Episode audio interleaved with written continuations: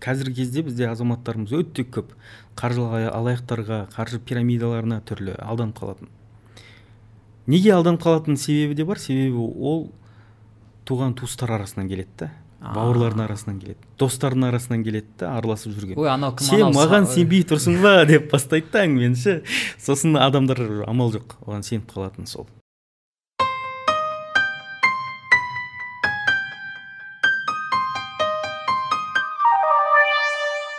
Заң шығарушы органдардан бастап ә, банк болсын басқа болсын көбісі жаңағыдай ресми ақпараттар береді ғой. А оны біздің адамдар түсіне бермейді. Мен өзім де соның ішіндемін да. Жаңағыдай онша түсінбеймін. Сосын жа бізге айтады жаңағы нелерді келісімшарттарды дұрыс оқымайсыңдар деп. Оқысаң да түсінбейсің да. Не ол келісімшарт тікелей орыс тілінен жаңағыдай калька аударма болып келеді. Сондықтан да түсінбейміз.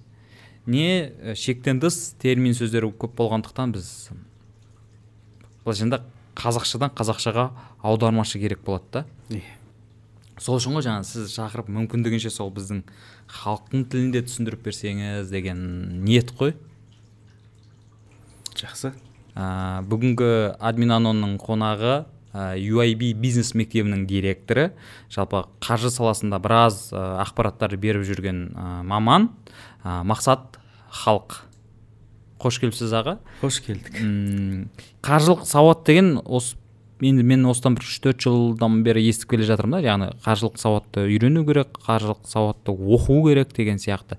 Бірақ ә, көбінесе ол нәрсеге адамдарда ақша пайда болған кезде барып қана ойланады да яғни а мынандай ақша пайда болды енді осы ақша дұрыс жұмсауды енді үйренуім керек деген сияқты енді менің ойымша ол нәрсені ақша жоқ кезде бастап кету керек сияқты да. Өйткені жаңағыдай базовый біліп алып сол кезде ақша сенде пайда болған кезде потеря болмайсың да былайша айтқанда. «Ә, не істеймін мынаны қайда жұмсаймын немесе қалай әрекет жасаймын не істеймін деген сұрақ туындамау үшін менің енді өзімнің ойым ғой ақша жоқ кезде де сол нәрсені ә, үйреніп біліп жүрген дұрыс сияқты. Сіз қалай ойлайсыз жалпы жақсы. Өте орынды пікір айтып отырсыз. Рас бізде көбіне көп ақша пайда болған кезде барып бір бас қатыру пайда болады. Бұны қайда апарып қоямын қалай бұны сақтаймын? Сосын, неге салсам болады? Иә сосын бұны қалай ұлғайтуға болады? Инвестициялаудың қандай жолдары бар? деген сияқты. Сондай сұрақтар одан кейін пайда болып жатады. Әуелі мен ойлаймын ең әуелі осы ақша деген өзіне соған қарым қатынастың өзінен басталады. Ең алғашқы осы қаржылық сауаттылық деген ұғымның өзі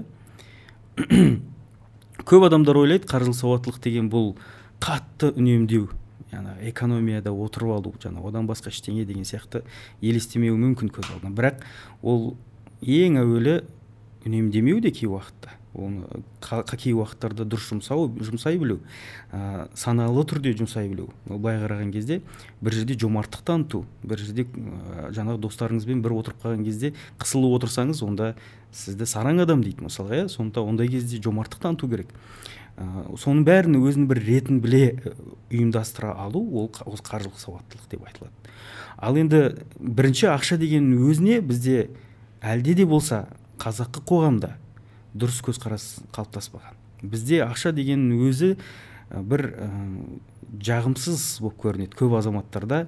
Ол өзіміздің қазақ халқының сөздерінде де жаңа ақша көрсе періште жолдан таяды мынау дүние қоңыз болып кетті бұл ақша құмар екен қатты деген сияқты.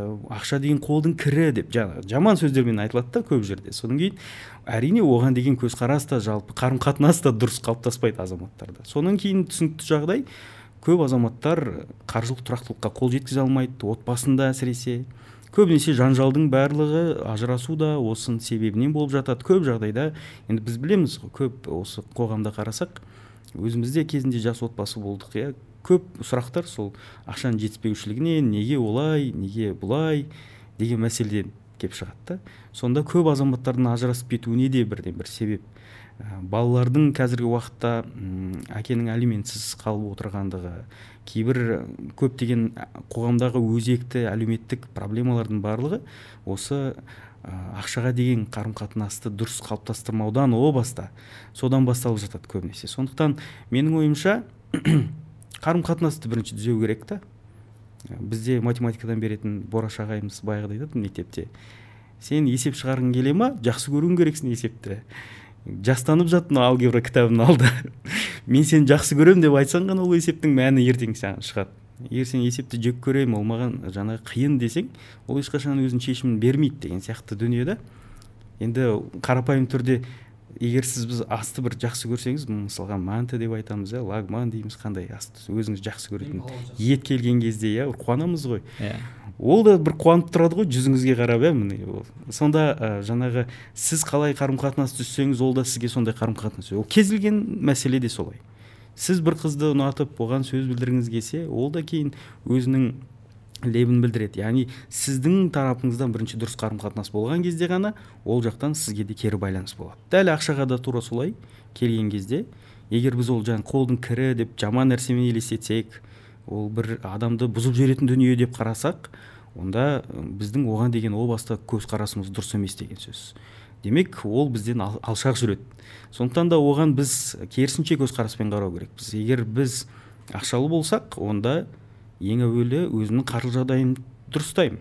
Өзім бала шағама керекті қосымша білім қосымша ә, білімді сатып алуға да мүмкіндік болады. Ә, бойындағы басқа да бір өнерпаздық әдемі қасиеттерін дамытуға репетитор жалдауға да соны, сонымен шешіледі. Қарапайым ғана өзіңіздің отбасыңыздың мәселесін шешкеннен кейін анаңызға әкеңізге барып демалыс ұйымдастыру немесе оларға әкеңізге бір жақсы көлік сыйлау иә? Осы процестің барлығы өзіңіздің кейін қоршаған ортаңызға достарыңызға бауырларыңызға да көмегіңіз тие бастайды деген. Осындай мақсатта қараған дұрыс. Енді о бастан келген кезде ә, жалпы қарым қатынастың өзін ә, түзеп алғанымыз дұрыс деп ойлаймын. Сол кезде ғана белгілі дәрежеде ақшаны кейін жинауға болады сосын оны ұлғайтуға болады. Жаңағыдай өзіңіздің ортаңызды қуанта алатын мәселелерге келеміз. Енді қазақы данамыздың өзінде де сөздерінде егер үңілетін болсақ кейбір мән беретін құндылықты үлкен сөздер айтылған. Мысалға ақылды адам байыса дүние мүлкін пұл еті дейді. Ақмақ адам байыса дүние мүлкі оны құл етеді дейді. Сонда осы жерде көп нәрсе айтылады. Ақмақ болса ол түсінікті жағдай. Сол дүниеге қоңыз болып кетті құл болып кетті деген мәселе. Ал бірақ егер сіз ақылды болсаңыз онда оны сіз пұл қылып жұмыс жұмсайсыз оны ретін табасыз. Жаңағы қолыңыз ашық болады жомарт боласыз деген сияқты.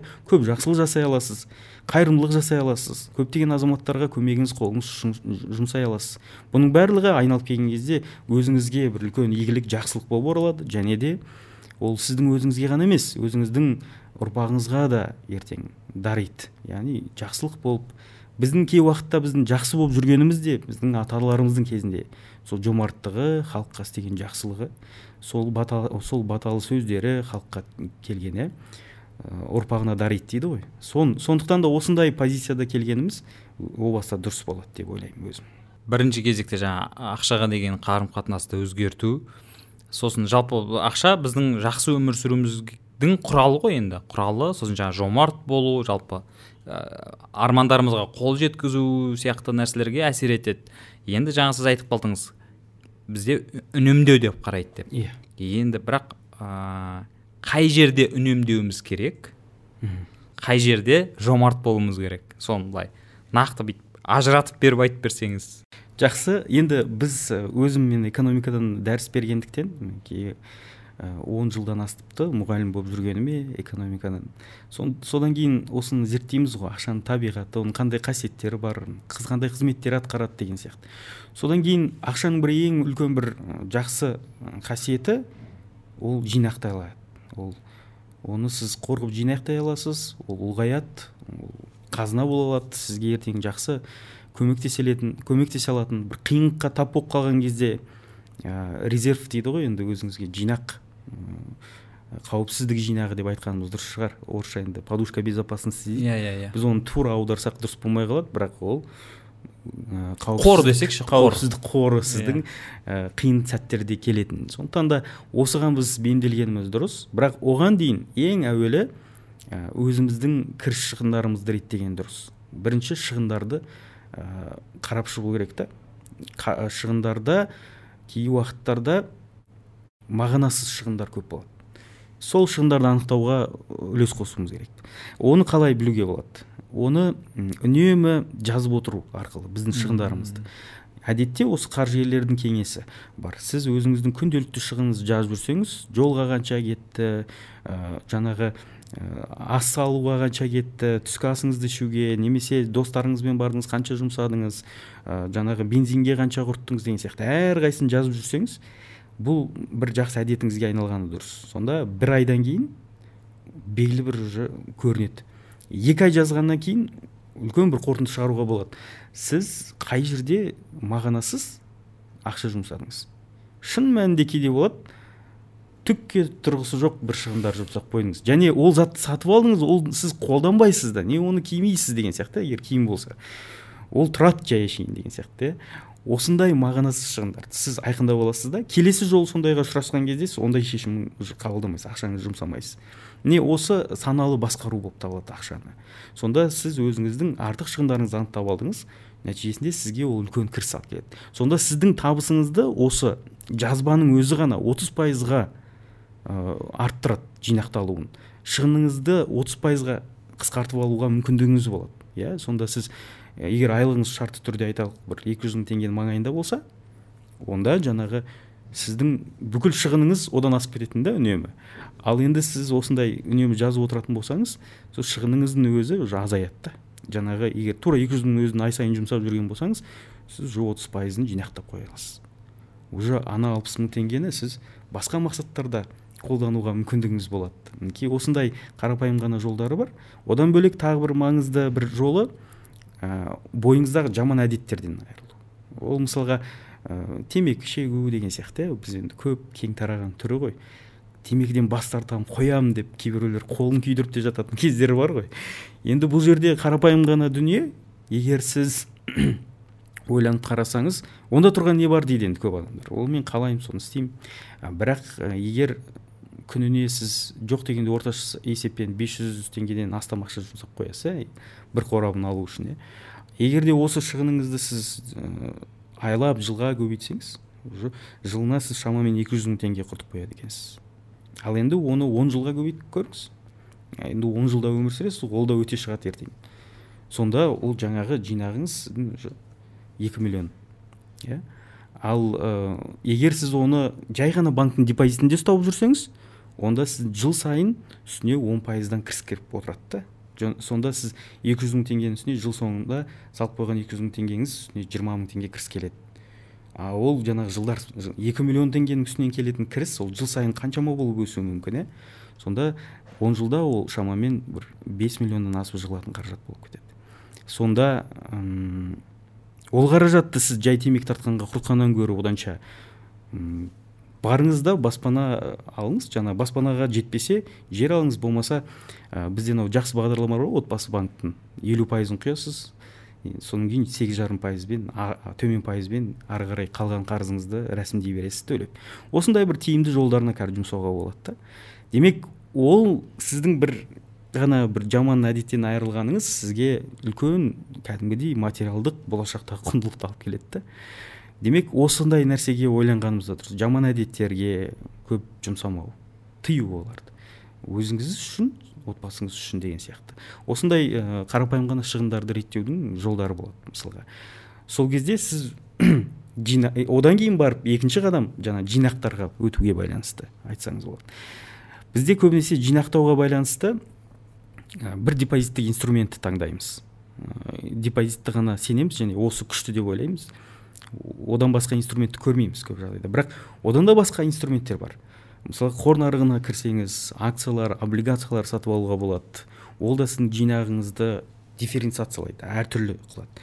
Қаржыгерлердің кеңесі бар үнемі беретін айтады. Ешқашан да бір ұяшықты сақтамаңыз дүниеңізді мүлкіңізді оны әрқашан бөліп сақтаңыз дейді. Мысалға бізде бір кісілер болады бір үйін мысалға бір бөлмелі пәтері болса оны он жеті миллионға сатып жібереді да соны алып келеді да депозитке салып қояды.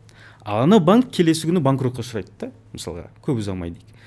Сонда қазір депозит сақтандыру қоры деген бар ол 10 миллион теңге дейін сізге кепілдік береді қайтарып беру. Оның өзін ол ақшаны сіз бірден ала алмайсыз күтесіз жаңағы бір жылда уақытыңыз кетеді иә? Сонда он миллион теңгеңізді алдыңыз да ал жеті миллионнан айырылдыңыз деген сияқты. Сондықтан үнемі осындай қаржылық сауаттылықтың беретін артықшылықтары сіз көресіз. Аха мен мына банкке екі бөліп сақтаймын андай екі банкке деген сияқты иә. Сонда сіз өзіңіздің жаңағы тәуекелдеріңізді қорғайсыз әртүрлі жолдармен. Осындай жолдары бар. Одан кейін жаңағы депозитке ғана сеніп қалмаңыз. Егер ақшаңыз тым көп болып отыз миллионнан одан ары асып жатса мысалға уже жүз миллион деген сияқты онда онда сіз міндетті түрде дифференциациялайсыз жаңағы. Депозит құнды қағаздар алтын деген сияқты. Қазір алтын слиттықтарын да сата бастады. Ұлттық ұлттық банк мысалға 5 граммнан 10 граммнан мысалға 100 граммдық кішкентай слиттіктар оның өзін сатып алсаңыз болады. Мысалға бір қойып қойыңыз деген сияқты. Ол да бір жақсылықты шақырады ғой андай. Ол алтынға енді кез келген адам алтынға көбінесе жақсы көзқараста иә иә. Ол да сізге деген жаңағы жақсы қарым қатынаста болады ол да жинақталады енді бұның бір несі ғой енді қалай айтса болады? Сіздің дүние қоңыздықты ойламайсыз бірақ сіз жақсы игіде игі мақсатта оны ұлғайтуды ойлайсыз. Егер осы жинағыңыз жақсы болса онда сіз өзіңізді дамытуға да ақша жұмсай аласыз да. Мысалға көбінесе адам тұлғалық түрде дамығаны дұрыс қой. Сондықтан ә, егер сіз ақшаңызды ертең саналы түрде басқарғыңыз келсе демек сіз өзіңіз тұлғалық түрде даму керексіз. Және де көптеген осы ә, жаңағы қаржыгерлердің сарапшылардың айтуынша ең үлкен инвестиция дейді өзіңізді дамытуға жұмсаған инвестиция. Білім яғни. білімге иә. Сіз бір жақсы бір құндылықты көрдіңіз соны неге үйреніп алмасқа? Ал білім қазіргі заманда ол тез өзгереді. Ғылыми жетістіктер де қазір соңғы уақыттарда ол өте жылдам ашылып жатыр. Ал сіз бір екі жыл өзіңізді біліктіліктен білімділіктен кішкене доғарып қойсаңыз онда сіз қарайып қаласыз кері кетесіз. Сондықтан үнемі сіз өзіңізді дамытуға бір жаңа бір дүниені білуге ұмтылып отырсаңыз онда сіз өзіңізді тұлғалық дамытасыз. Және де ең жақсылығы ол сіздің бойыңыздағы үлкен қасиеттерді дамытады жаңа қабілеттерді ашады. Және де мынау көбінесе жетістіктің формуласын айтады ғой көп кісілер жетістікке жету. Ә, құдай ол жаңағы бақты әр адамға береді дейді. Бір адамға беріп бір адамға бермеуі мүмкін емес дейді. Ол әр адамға береді. Бірақ сол бармақтай бақты ұстап тұратын жаңағы салмақ бер деп бекер айтпайды. Сіз ол бақты көруіңіз керексіз да мүмкіндікті көріп қалуыңыз керек. Ал оны көруіңіз үшін демек сіз сол дәрежеде білімді болуыңыз керексіз. Сол қабілет болуыңызда болу керек. Ал көбінесе біз өзіміздің алдымызда тұрған мүмкіндіктерді байқамаймыз. Жіберіп алатын себебіміз біздің сол мүмкіндіктерге дайын болмай қалуымыз. Демек ә, сіз өзіңіздің сол жинақтарыңызды өзіңізді дамытуға жұмсайсыз нәтижесінде жетістіктерді көресіз мүмкіндіктерді көресіз ол сізді жетістікке алып келеді үнемі. Ол өмірдің бір жақсы қарапайым жаңағы жетістікке жетудің бір формулаларында көп айтылады. Ә, негізі жаңағы шығындарды жазып жүру деген өте жақсы айттыңыз енді. Ә, мен ол нәрсені жасаймын бірақ қалай жасаймын? Мен күндік емес ә, айына жаңағы банктың приложениесі бар ғой. Соны ашып жаңағы выписка деген бар соны қарап шығамын да. Эх деймін да бір. Көңіл күйім түсіп кетеді да сосын. Мә осынша ақша жұмсап тастаппын ғой деп. Сол күйі қалып кетеді. Яғни күндік ұмытып кетесің сосын жаңағы андай нәрсе бар да. М білінбейді ғой жаңағы. Бес жүз теңге деген ол білінбейді. Байқалмай кетіп қалады. И біз сол нәрсені ә, қатты жаңағы үнемдеп кетеміз да яғни жұмсамай жатып қатты бір ә, қатай боламыз былайша айтқанда ақшаға келген кезде бірдеңе шығару деген сияқты. Ол жаңа сіз айтпақшы ә, жомарттықтан гөрі жаңағы сараңдыққа қатты кетіп қалады да. Ә, енді ақша жинау деп жатырмыз ғой.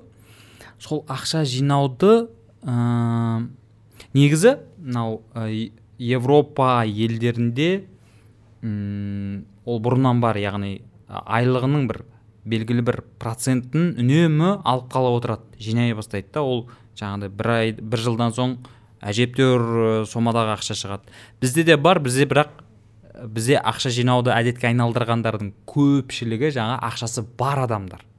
Ақшасы жоқ немесе ақшасы азам, аз адам ол нәрсеге бас қатыра бермейді. Онсыз да сен жеткізе алмай жатсың да ол еще ақша жинауың керек. Оны алып қоюың керек сенің табысыңнан. Мен енді ә, мен де сол қатардамын деп айтуға болады. Өйткені ә, ақша жинап бастайсың. Сосын ана денежный яма деген бар ғой. Ә, проблемалар шығып қалады кризистер болып қалады өміріңде. Сол кезде андай болады да өзімді бір өзіме жек көрінішпен қараймын да. Ей тұр ғой ақша. Өзіңнен аяйсың ба? Алсай жұмсасай деген сияқты ше. Сол сол енді психологиялық тұрғыда енді сәл не ғой дұрыс дүние болмай тұр ғой. Енді соны ақшасы аз адамдар қалай ақша жинаған дұрыс. Өйткені оның айлығы бізде айлық онсыз да жала, айлығы жалақы көп емес қой. Иә. Біз ақша жина деп айтуымыз үшін, айтуымыз үшін мүмкін ә, жалақының да мөлшері бір сол жинауға лайықты болу керек шығар деген ой да бар да. Мхм. Пікір өте орынды. Толығымен келісемін. Бізде ә, жалпы жақсы негізінде ақшаны жинақтаудың үлкен жолы сол тұрақты түрде ә, салып отыру. Мейлі ол аз болсын ол көп болу шарт емес. Бірақ егер сіз тұрақты түрде аударып отырсаңыз ол жинақ ақша ұлғаяды. Ол өз ақшаның жаңағы бойындағы қасиеті сол сондай қызмет атқарады ол. Ал енді екінші мәселе негізінде өте үлкен маңызды мәселе. Қаншалықты жалпы біздің азаматтарымыз табыс табады? Осы өте үлкен маңызды мәселе. Енді европада дамыған елдерді қарасақ оларда жинақтауға мүмкіндіктер бар. Өйткені ең төменгі жалақының өзі 2000 доллар үш мың доллар деп айтылады да. Төменгі жалақы. Бізде ең төменгі жалақы қырық екі мың бес жүз теңге. Енді онда да соңғы бір екі жылда ол көтерілген де жоқ. Ол жыл сайын негізі көтерілу керек ол. Өйткені жылда инфляция болады. Өткен жылы жеті жарым пайызға инфляция болса жаңа ақша құнсызданса демек мемлекет те соның қырық екі мың бес жүздің жеті пайызға жоқ дегенде он пайызға өсіру керек қой. А бірақ соңғы жылдарда ол тіпті өскен де жоқ былай қарасақ. Сондықтан ә, бұл жерде енді үкіметтің алдындағы үлкен міндет деп мен ойлаймын. Ол осы табысты арттыру мәселесі. Бізде ол ең төменгі жалақыны көбінесе жасырып қоюға тырысады. Өткен жылы ғана пандемияның салдарынан жоқ ол жасыруға мүмкін емес болды өйткені хит сөз болып халыққа көмектесу керек болды иә сол үшін шығар әйтпесе оны көп айтпайды оны әкімдер де айтпайды өзінің халықтың алдына шығып есеп берген кезде. Олар орташа жалақыны айтады. Орташа арифметикалық жалақы ол қалай есептелінеді? Бүкіл халықтың табысы алынады да сол халықтың санына бөліне, бөле салады жаңағы жұмыс істеп жүрген азаматтар. Иә біреуі он миллион алады біреуі жаңағы қырық екі мың бес жүз алады. Иә сонда ол әділетсіздік қой. Ал түбінде келеді да бізде қазір екі жүз жиырма үш мың теңге екен орташа жалақы.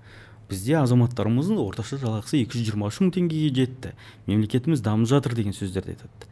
Ал енді өңірлерде аймақтарда біздің қарапайым ауылды алып қарасақ сол әкімнің бетіне күліп қарап отырады жаңа отчетты айтып жатқан кезде. Қайдағы екі жүз жиырма үш мың иә деп мысалға. Сондықтан да осы жерде мен ойлаймын жаңағы ә, қазір әлем уже ә, орташа табысты есептеудің модалық түріне медианалық орташа табысты есептеудің жолдарына көшіп кетті. Биыл ғана бізде осы медианалық жалақыны айтты. Соны қараса 147 мың теңге деп айтып отыр. Демек 147 мың теңге жаңағы 223 үш мың теңге емес қой. Демек орташа жалақы ол кішкене жақынырақ. Менің ойымша да егер қарасақ ауылда өңір бәрін қарайтын болсақ ол медианалық қалай есептелінеді? Көп азаматтар халықтың көп бөлігі қанша орташа жалақы алады екен? Сол көп азаматтар жалақы алатын азамат топты ғана алады да анау үлкендер қалып қалады астылар қалады. Сол адамдардың арасынан орташасын шығарады да. Демек бұл кішкене шындыққа жанасады да. Шындап қарайтын болсақ бізде қарапайым халықтың көпшілігі былай қарасақ ол бір жүз мың теңгенің маңайында табыс табады. Көп көп көбірек бөлігі. Ол жаңағы 223 мың емес. Сондықтан да менің ойымша осы мәселені мемлекет алдына тарту керек та қою керек. Неге мен олай келемін егер ғылыми түрде келетін болсақ немістің ғалымы энгельдің заңы бар. Сол сол айтады. Халықтың табысы неғұрлым артқан сайын олардың ә, жаңағы азық түлік шығындары азаяды екен.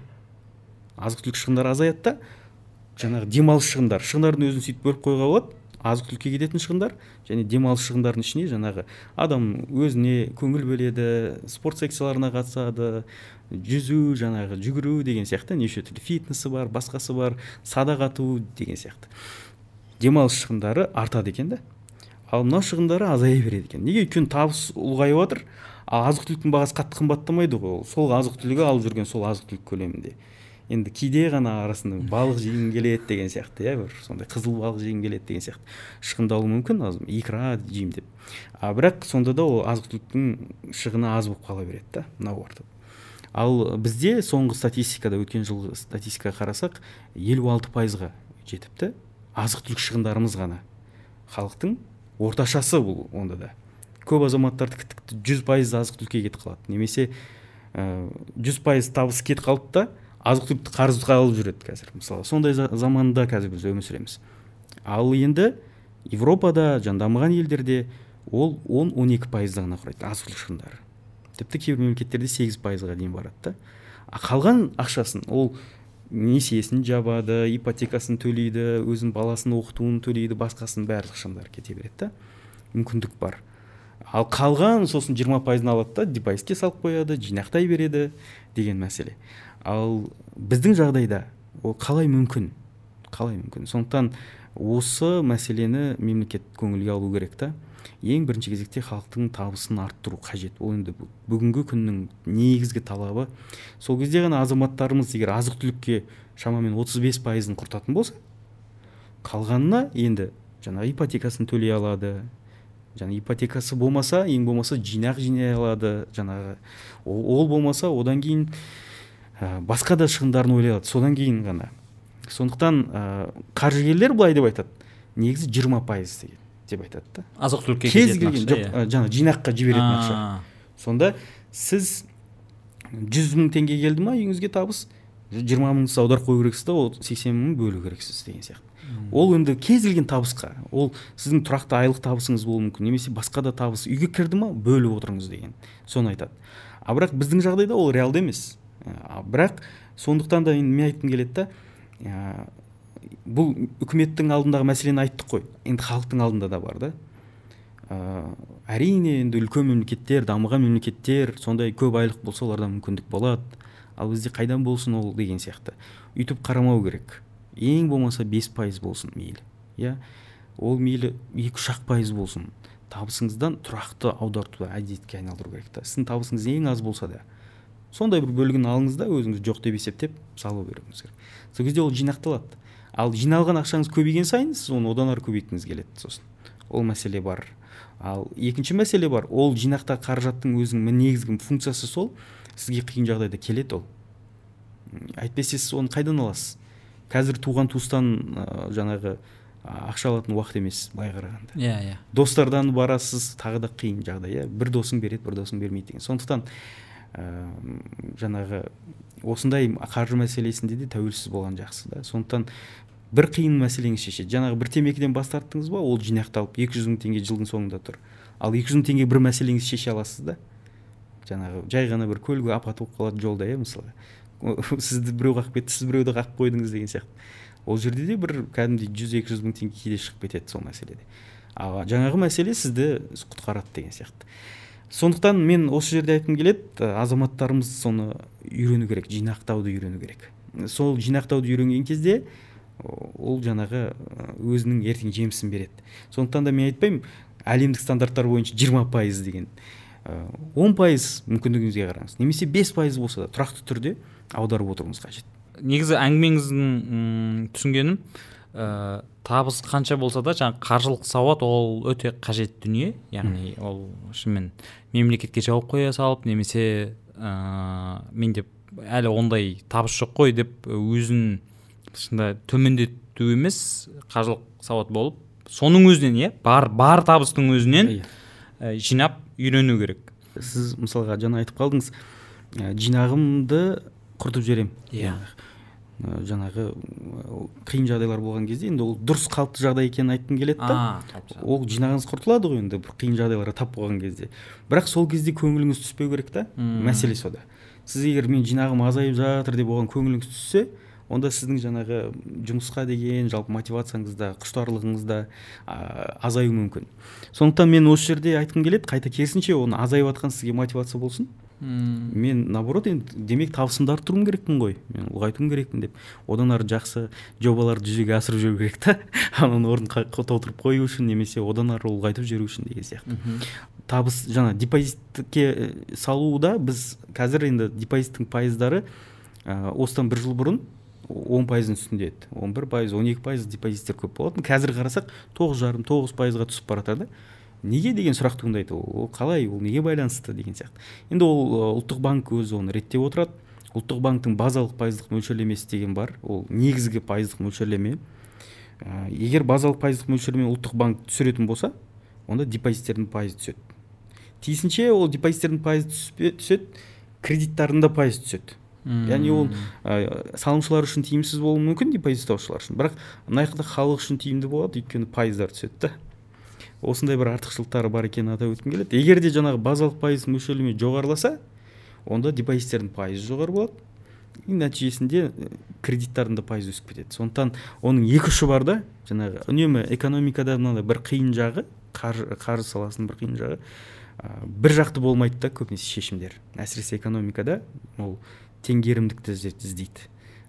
Бір жаққа мүмкін нашар болуы мүмкін бір жаққа жақсы болады деген мәселелер. Мысалға егер осы системаны қарап жаңағы базалық пайыздық мөлшерлемемен қарайтын болсақ европада депозиттер тіпті төмен жаңағы. Өте аз кірістілігі. Сонда сұрақ туындайды да азаматтарда не үшін депозитте ұстаймын? Оданша оны айналдырайын? Оданша оны басқа жаққа жұмсайын? Дамушы елдерге апарып сол жаққа құяйын? деген сияқты инвестиция.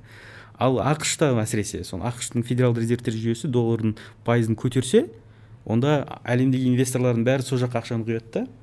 Дамыған елдерден ақша кетеді. А дамыған елдер дамушы елдерден. Біз сияқты елдерден ақша кетеді да. Инвесторлар бізге келмейді. Тиісінше бізге жаңағы шетелдік валюта келмегендіктен доллар. Біздің теңгеміз әлсірейді өйткені тапшылық орнайды да мына шетелдік валютаға. Бәрі соны іздеп кетеді. Нәтижесінде теңгеміз әлсіреп кетеді деген сияқты. Осындай бір факторлар көп әсер етіп жататын. Бірақ енді қараңыз соңғы уақыттарда федералды резервтер жүйесі болсын европадағы еуропалық орталық банктің шешімі болсын бәрін жаңа базалық пайыздық мөлшерлеме дейді ең негізгі. Нөл пайыздық деңгейде ұстап тұр да жеңілдетілген ақшасы несие саясатын. Ол дұрыс та өйткені пандемия келді қаржылық дағдарыс орын алып жатыр. Ондай кезде ең төменгі пайыздарды ұстау керек. Бізде ұлттық банк өткен жылы барлық орталық банктері пайызын түсіріп жатқанда керісінше көтеріп тастады да он екі пайызға дейін. Енді сол кезде сынады бүкіл қаржылық экономист неге олар олар жасайды? Қандай ақылға негізге сүйеніп олай жасады деген мәселе. Содан кейін бізде депозиттердің пайызы жаңа он екі пайызға дейін көтеріліп кеткен сол. Пайыздары жоғарылап. А кейін жаздыға қарай кейін қайтадан оны түсірді тоғыз пайызға. Қазір енді депозиттердің пайызы да қарасаңыз түсіп қалды. Сондай. Ал бірақ жаңағы не үшін оны төмендетеді дағдарыс кезінде? Себебі ә, бизнес үшін оңай несие алу төмен пайызбен несие алу оңай болу үшін азаматтар үшін де үй алам десе төмен пайызбен үй алу үшін оны төмендетеді. Мінекей бұл енді мен түсіндіріп отырғаным сол қаржы экономиканың заңдары және бізге де қоғамымыз үшін ол өте маңызды. Белгілі дәрежеде бізде азаматтарымызда мынандай сұрақ туындайды. Неге? Европада басқа мемлекеттерде ә, ипотекалық несиелер үш пайыздан төрт пайыздан. Ә, төмен пайызбен а бізде неге ол он пайыздың үстінде үнемі? Неге ол төмендетілмейді деген сұрақтар. Ол сұрақтардың жауабы осы. Бізде орталық банктің қойып отырған пайызы тоғыз пайыз болса қалай одан төмен пайызбен банктер несие берсін? Өйткені жаңағы базалық пайыз деген сөз көбінесе қарапайым түсінікті болу үшін айтайын. Мынау мысалы біздің орталық банк болса қояйын иә. Орталық банк тоғыз пайызды бекітті. Мынау екінші деңгейлі банктер. Олар осы теңгені алу керек қой бір теңгені осындай пайызбен алады деген сөз да. Мм. Одан кейін олар халыққа беретін кезде оның үстіне өзінің маржасын қосады пайызын қосып ұлғайтып сөйтіп халыққа бере бастайды.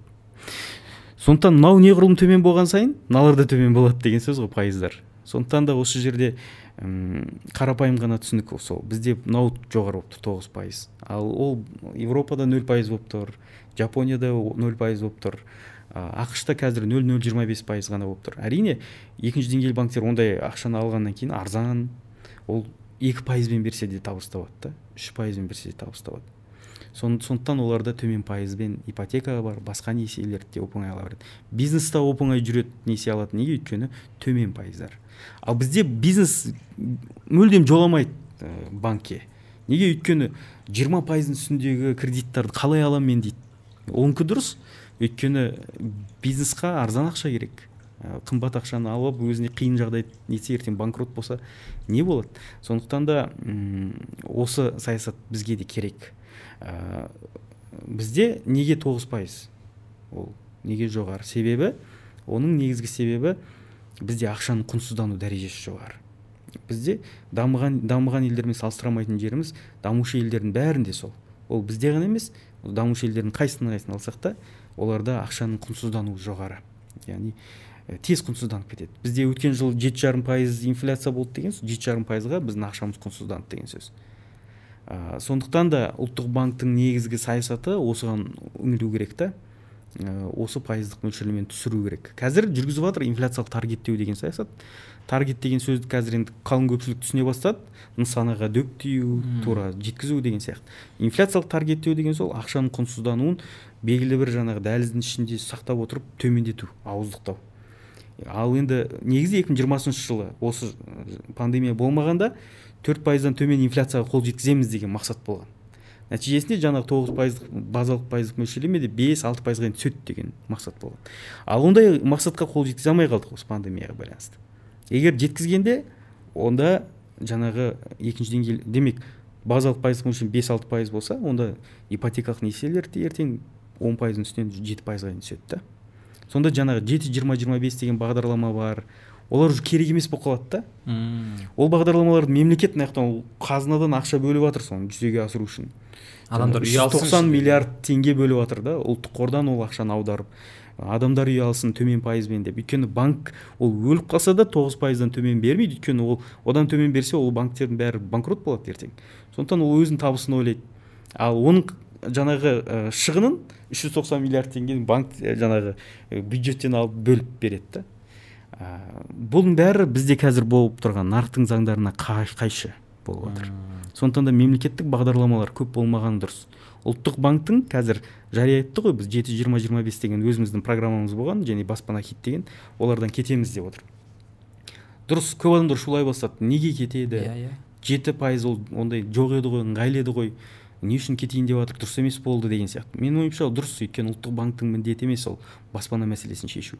Оның міндеті ақшаның құндылығын арттыру инфляцияны төмендету жаңа ақшаның құнсыздануын төмендету. Соны орындап алсыншы болды басқа нәрсе сұрамайық одан.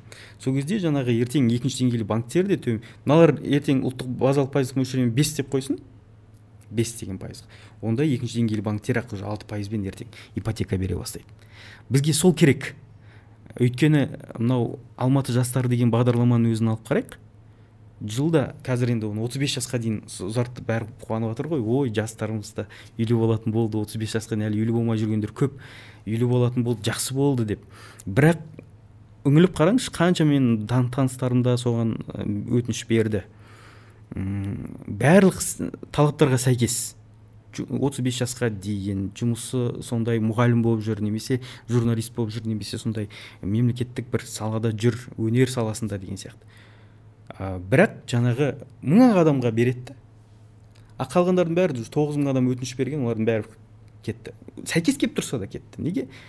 Ал енді мына үкімет әкімдік болса енді ақтала алмай жатыр түсіндіре алмай жатыр. Жаңағы не үшін біз ала алмай қалдық дейді балдарыңыз төмен болып қалды деген сияқты. А және де тағы бұл сыбайластықты да арттырады да. Кімнің танысы бар анау мыңның ішіне кіру үшін былай кіру үшін былай. Ана адамдардың өздері мүдделі болады беруге біреуге деген сияқты. Осындайдың бәрін арттырып біз өзіміздің қоғамымызды құртып отырмыз да. А, ол болмау керек. Арнайы бағдарлама әкімдік жасау керек. Жаңағы бірақ көп балалы аналар жетім балаларға мүгедек семьясында бар азаматтарға асыраушысынан айырылғандар міне әлеуметтік осал топтарға ғана осындай арнайы бағдарлама керек. Оған мемлекет шығындалсын жаңағы. Ал жалпы халыққа нарықтың заңдарына сәйкес жаңағы ақшаның құндылығын арттырып төрт пайыздық инфляцияға жеткізсек базалық пайыздық мөлшер бес болса онда мінекей алты пайыздан любой банктен бар да алты пайыздан ала бер. Онда уже он екі пайыз он төрт пайыз емес қой азаматтардың бәріне ол ашық болады. Ешкім ақша беріп жаңағындай қулықтың керегі жоқ. Уже сыбайлас жемқорлықтан да айырыламыз демек осындай жолдары бізде ақша несие саясатында қажет. Сол кезде бізде несиелердің де пайызы төмен болады жаңағы неде. Ал енді екінші мәселе бар. Инфляциялық таргеттеу бірнеше жылдарға созылады ғой. Сондықтан да ұлттық банк шығады да айтады шыдай тұрыңыздар үш төрт жыл күту керек деген сияқты. Ал халық оған шыдай ма? Қоғамда осыны түсіндіретін меніңше үкіметтің тарапынан дұрыс ақпарат жүрмей жатады да. Мүмкін тиісті адамдар жоқ осыны түсіндіре алатын халыққа. Шыдай тұрыңыздар кішкене сонда ертең бәрімізге жақсы болады деген.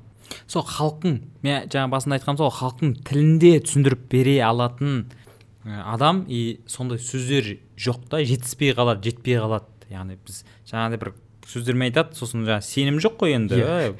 білеміз ғой сендер инфляция болмайды дегенсіңдер сосын екі айдан соң инфляция болды ғой деген сияқты сол ғой ал одан кейін ә, үкіметке сенбейді халық үкіметке сенбегеннен кейін жай ғана жаңағы онлайн несие алаяқтар қаржылық соларға барып ұрынады да. Соларға сеніп қалады да. Ең өкініштісі сол. Иә мен соны сұрайын деп отырмын мысалы бізде ақша жинау ақшаны еселеу деген кезде ә, ломбард жаңағы ломбард 24 деген аты шулы иә. Былайша айтқанда ауадан ақшаны еселеп алу ғой сен. Ештеңе істемейсің. Бардың и саған процентпен и немесе сен процентпен ақша бересің ба саған бір еселеп қайтарып береді. Немесе жаңағыдай ә, табыс табудан гөрі онлайн займ ә, нелер бар ғой? Сайттар. Содан неше түрлісі бар екен айлыққа дейін деп қойған ана қызықтырып не алады да айлыққа дейін ала тұр. Бірақ оның пайыздары деген өте жоғары ғой. Сол енді сол ситуацияда кімге сенген дұрыс қалай әрекет жасаған дұрыс. Жалпы ақшаның еселеудің дұрыс жолы ма осы мына ломбардтарға салу жаңағыдай бір процентпен ақшаны еселеп алу деген сияқты? Жақсы. Өте орынды сұрақ өте керек. Қазіргі кезде бізде азаматтарымыз өте көп қаржылық алаяқтарға қаржы пирамидаларына түрлі алданып қалатын. Неге алданып қалатын себебі де бар? Себебі ол туған туыстар арасынан келеді да. Бауырлардың арасынан келеді достардың арасынан келеді да араласып жүрген. Ой анау кім сен маған сенбей тұрсың ба деп бастайды да әңгімені ше. Сосын адамдар амал жоқ оған сеніп қалатын сол. Жарайды саған сенемін ғой басқаға сенбесем де жарайды деп. Енді ол жүз мың теңге қайда жатқан жүз мың теңге мінекей салып қайда кетпей иә. ақша сосын амал жоқ сол дүниесінен айырылады да кейін өкінеді. Сондықтан ондай жағдай болмас үшін әрине ә, қазір заңдардың бәрі күшейтілді жақсарды. Бұрынғы ә, жаңағы микронесиелік ұйымдар қалай жұмыс істеу керек бәрі қазір реттелді. Бірақ дегенмен де ә, қазір үкіметтің алдына қойылған міндеті бар үш жыл бизнеске араласпау керек деген. Сондықтан да үкімет оның бәрін барып тексере бере алмайды. Ол ұлттық банктің қарамағынан бөлініп шықты қаржы қадағалау агенттігі. Солардың міндеті жаңағы ломбардтарды қадағалау нелерді қадағалау микронесие ұйымдарын. Бірақ олар әрқайсысының есігін тоқылдатып барып тексере берсе ертең ол шағын несиелік ұйым да ол жекеменшік біреудің. Ол да айтады мені үкімет қайта қайта келіп тексеріп тоқылдатып менен ақша сұрап жүр ма бірдеңе деген сияқты. Сондықтан да олардың құзыреттілігінде жоқ қазір ондай. Ал үкімет қашан біліп жатады азаматтар алданып ақшасынан айырылып жаңағы мынандай үлкен пайыздарды төлей алмай қалған кезде амал жоқ шырылдаған азаматтардың өтініші шыққан кезде ғана барып олардың арыз шағымдары негізінде ғана. Болар іс болғаннан кейін иә, ғана барып иә? қорғау органдары одан кейін ғана барып оларды әшкерелеп тауып сөйте бастайды. Сондықтан да біз білуіміз керек біз қазір қоғамда азаматтарды алдайтын өте көп қаржылық алаяқтар көп. Өздері не лицензиясы жоқ не ештеңесі жоқ бірақ әдемі сайтты ашып алады. Ә, бізге келсең бір ақ айдың ішінде ала қаласың күшті керемет проблемаңды шешіп аласың. Ал енді жаңа қара тізімге ілініп қалған бір кезде иә онда да жай ілініп қалған жоқ ол. Бір бауырына бір несие алып берейін деп ілініп қалды. Болмаса бір досына несие алып беріп ол төлемей кетті сосын ілініп қалды деген сияқты ондай азаматтар да көп қой. И срочно ақша керек болып қалды. Қайда қайда қайда сайтқа жаза салды анау шарт етіп шыға келді. Ой бізге келе қал керемет деген сияқты. Сөйтіп соған сенеді да мысалы барады. Ол ешқандай ештеңе қаржылық артыңа қарамаймыз. Ә, историяң бәріне қара болса ничего страшного біз бере саламыз деген сияқты. Ой жақсы ғой деп ала салады да. Ә, бұл бір ғана мысалды айтып отырмын бірақ азаматтарымыздың бәрі көп қой ондай алданып қалып жатқан. Қатты ақша керек болып қалады аяқ астынан. Басқа шығатын жол жоқ ілінеді сондайға. Ал одан кейін барып сол жаңағы қаржылық мекемелер араға үш айдан кейін ба звондайды. Сіздің алған жүз мың теңгеңіз уже бес жүз мың теңге болып тұр. Ал енді төлеңіз. Қашан төлейсіз деген сияқты. Ал бұл айтады қалай мен төлеп жүрмін ғой. Ай сайын жиырма мың деп келістік төлеп жүрмін а неге менің қарызым өсіп жатыр түсініксіз деген сияқты. Сонда түрлі схемаларды нетеді екен. Бұл жерде мен айтқым келеді бұндай жүйе неге қазақстанда ғана? деп айтып кейбіреулер жынданады. Біздің қоғамымыз ғана шіріп қапты ғой құрып қапты ғой осы бізде ғана осындай. Жоқ бұл америкада да бар бұл европада да бар. Ол қаржылық алаяқтар ол заманына сәйкес қаржылық жаңағы дұрыс емес жолдармен табыс тапқысы келетіндер көп.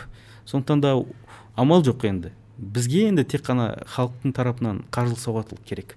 Сен өзіңіздің құқығыңызды білу керексіз ажырата алуыңыз керексіз. Қалай ажыратамыз енді оларды? Ажыратудың ең ә, жаңағы қарапайым жолы. Сізге келіп біреу осылай ақша құйсаңыз оны бір екі ақ айдың ішінде еселеп аласыз деген сөз айтылса болды уже сигнал да ол. Ол мүмкін емес ол сізге бір екі ақ айдың ішінде екі еселеп беру иә ол ақшаңыз. Ол реалды емес.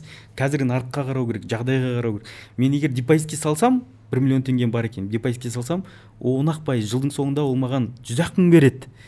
Ал сен маған бір айдың ішінде оны екі миллион қылып беремін деп тұрсың кімсің сен сонда деген мәселені қою керек та алдына. Ондай адам келді ма уже демек түсінікті. Қысқа мерзім ішінде көп қайтарамыз деген жолығудың қажеті жоқ. Бірден айту керек. Сіздің жолыңыз басқа жақта деген сияқты иә. Сондай азаматтарымыз ажырата алатын азаматтарымыз көбейсе меніңше ондай алаяқтар да ертең азаяды.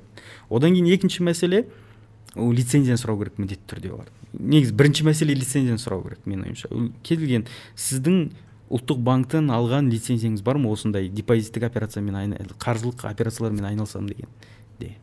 Сонда уже ә, дұрыс емес алаяқ азамат уже ана жерде көздері жүгіреді басқа иә бар деп өтірік айтады. Көрсетіңіз деу керек. Сосын көбінесе кейбір азаматтар болды мынандай. Олар анық көбінесе көбісі көрсете алмайды бірақ кейбір ә, қаржылық ұйымдарда болған екен ә, свидетельство куәлік. Әділет басқармасында тіркелген бір тоғын ашқан. Бірақ қызметі вообще басқа салада болған ол бір услуга. А мына жақта уже қаржылық операциялар жүргізіп жатыр да ол. Мінекей менің куәлігім бар деп көрсетеді да. Ну что что куәлік? Маған сіздің ұлттық банктен лицензияңыз керек. Қазір енді ұлттық банк бермейді. Ұлттық банктан бөлініп шыққан қаржылық қадағалау агенттігінен мінекей лицензияңыз бар ма? Көрсетіңіз деу керек та. Сол кезде уже жаңағы түсінікті болады. Шын мәнінде тіркелген организация ма? Жоқ па? Одан кейін уже онымен жұмыс істесеңіз болады. Егер бар болса. Жоқ болса уже сау болыңыз дейсіз да. Осындай мәселелер бар одан кейін жаңағы таныстардан тамырлардан келіп тұрса да сол көңілге тиіп кетпеу үшін жаңағы олар сезіммен келеді ғой. Маған сенбейсің ба деген сол сөздеріне қарап үңіліп ақ айтуға болады да. Егер қысқа мерзімде үлкен табыс табамыз десе болды тоқтай тұр. Бізде енді қазақстан нарығында ә, сіздің табысыңызды ұлғайтудың бір ең бір максималды жолдары. Ақшаңызды салып қойдыңыз кейін жылдың соңында оның жаңағы сыйақысын аласыз ғой. Ол депозит бірінші орында. Көпшілік таралған. Екінші ол аз ғана таралған ол қор нарығы қор нарығында сіз акциялар облигациялар сатып аласыз. Бірақ ол жерде бізде жаңағы құнды қағаздар ұстаушылар өте аз екен. Бізде қазақстанда жүз мыңнан асады екен құнды қағаздар ұстаушылардың саны. Ол аз иә? Иә ол өте аз. Неге? Өйткені ол бізде еңбекке жарамды он миллион халық бар. Он миллионның жүз мыңы ғана. Ол бір ақ пайызы деген сөз ғой. Ол ол түк емес былай айтқанда. Бізде қор нарығы вообще дамымаған әлі. Бірақ сол жақта сол бір пайыз адамдардың өзі өйтеу өйтпей табыс табады. Акциялар алады облигациялар алады деген сияқты. Сол жаңағы онда да қор нарығына түзу шығу мүмкін емес. Сіз брокерлік компания арқылы шығасыз да. Сонда бір брокерлік компанияға барасыз сосын ол сізді сол дәнекер болады да. Онда да сол қарау керек брокерлік компанияның қайсысы дұрыс қайсысы дұрыс емес лицензиясы бар ма жоқ па жаңағы ұлттық банктан. Сонда сонда ғана қазіргі орташа табыс біздің қор нарығында ол жылына 30 пайыз да примерно шартты түрде сонда сіздің салған миллионыңыз жылдың соңында бір миллион үш жүз мың болуы мүмкін. Бір жылда ол екі айда емес ол бір айда емес. Сонда ә, саналы түрде адам уже ойлану керек та сіз маған бір айда екі еселейміз че то не то деген мәселені айту керек та. А одан кейін тағы өзіңіздің жүрегіңізге сеніңіз деген мәселе меніңше өте маңызды. Көп азаматтар ай біліп едім осыны ай! дейді да жүрегім бірдеңе деп тұр еді басында деген. Соны жүрегіңіз уже бір сигнал берді ма уже оны зерттеу керек та. Лицензиясы бар ма қандай табыстары қандай деген сияқты.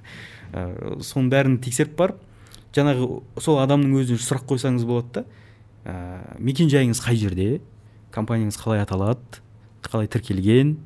Қожайыны кім? деген нақты сұрақтар қойылса уже жаңағы алаяқтардың өзі шоши бастайды ондай сұрақтардан че то сен кімсің деген сияқты. Жаңағы мен тексеріп отырған кімсің біреусің ба деген сияқты. Уже опасаться етіп сөйлеп деген сияқты. Сондықтан осындай мәселені айту керек. Содан кейін көбінесе шетелдік болып шығады олар. Көбінесе бізде шетелдік ә, қазақстандық мынау жаңағы ломбард жиырма төрт болса ештеңе емес қой ол оларды ертең жазалап жатыр деген сияқты иә құзыретті органдар. Ал енді шетелге аударып жүрген ақшасы азаматтар оларды біздің құзыретті органдар жазалай алмайды ертең. Сіз ақшаңыз кетті шетелге бітті жоқ енді ол деген сияқты. Иә сондықтан ол осындай мәселелерде егер шетелдік болса тіптен аулақ ұстау керек жоламау керек. Жаңағы негізгі мәселелерге көңіліп барып шешім қабылдаған дұрыс. Микрозайм деп отырмыз жаңағы иә. онлайн займ енді олар ол жерде адаммен сөйлеспейді ғой ол жерде жаңағы сен заявка жібересің картаңның нөмірін жібересің саған ақша түседі. Ең былайша айтқанда максимально жеңілдетіп тастағанда жаңағыдай алуды мысалы үшін банкке барсаң сен банкқа документ толтырасың үйтесің бүйтесің саған фотоға түсіреді былай істе былай істе дейді. Яғни ә, несі көп? Жұмысы көп.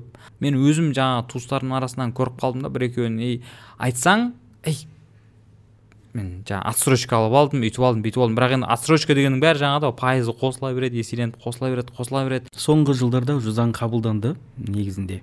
Ол мәселені біз алдындары осыдан екі жыл бұрын қатты көтерген едік негізінде. Сонда заң қабылданып күшіне енгеніне міне бір жылдай уақыт болып қалды. Ол жерде қандай ә, екінші шағын несиелік ұйымдар мынандай талап қойылады. Алғашқы заңында мынандай жүз пайыздан аспау керек деп қойған жылына. Яғни сіз мысалға бір адамға жүз мың бердіңіз ба сіз шағын несиелік ұйымсыз сонда сіз бір жылдан кейін жылдың соңында екі жүз мың қана қайтаруға құқыңыз бар. Болды одан аспайды. Иә. Бұл алғашқы заң нормасында сондай болды. Кейін оларды банктермен бірдей қылып теңестіріп тастады елу алты пайыз.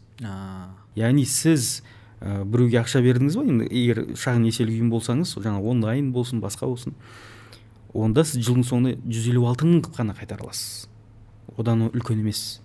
Ал бізде мынандайлар көп жаңағы. Аз ғана уақыттың ішінде екі үш айдан кейін звондайды да сіздің алған жүз мыңыңыз уже бес жүз мың болып тұр. Егер бір жылға созылып кетсе уже сіздің миллионнан астам қарызсыз дейді да. Ол қалай ол? Ешқандай заңға сәйкес емес. Маған өзіме де көп азаматтар осында туысқандарым арасынан да болды. Жазады осындай болды қалай деп. Мен айтамын мүмкін емес ондай ол. Сразу айтыңыз төлемеймін болды деп. Қайда барсаң онда бар деп айтыңыз. Заң бойынша ол кісінікі дұрыс болады иә, иә? ыыы сосын сразу жеңілдеп қалады ғой ана кісілер. Сосын рахметін айтып жүр да. Төлемеймін болды қайда барсаң онда бар деп едім. Өздері ақ шығып басқа шарттарын айта бастады депші дұрыс та өйткені олар заң бойынша есептеп бердім да. Мінекей осынша осынша төлеймін болды. Алсаң соны ал әйтпесе мен басқа төлемеймін басқа барсаң бар деген. Сөйтіп айтса жаңағы шартына келіскен да соңында. Сондықтан да елу алты пайыз деген сөз ол жылына елу алты пайыз да. Кейбір адамдар анау айына деп ойлап қалуы мүмкін. Айына да емес ол жылына ғана. Сондықтан да айына егер бөлетін болса ол тіпті аз ғана пайыз болып қалады да. Жаңа он екі айға бөліп тастасаңыз елу алты пайыз. Айына ол қанша өсіре алады? Шамалы. Ыыы бір екі екі пайыздан ба? Үш пайыз? Үш пайыз төрт yeah. Иә. пайыз ғана максимум мысалға былай қарағанда. Одан көп уже өсіріп жатса уже болмайды деген сөз. Сонда ол жаңа бір айға ғана алады да демек бір айдан кейін сіз қайтарған кезде сондай аз ғана болу керек та оның үстінен қайтаратыныңыз. Жаңағыдай көп болып жатса демек ол қаржылық ұйым заңсыз жұмыс істеп жатыр. Оларды ұстап беру керек. Немесе тоқтату керек қызметін өйткені олар қаншама адамды алдап жатыр деген сияқты. Осындай заңдылықтар қазір бар ондай күшіне енген.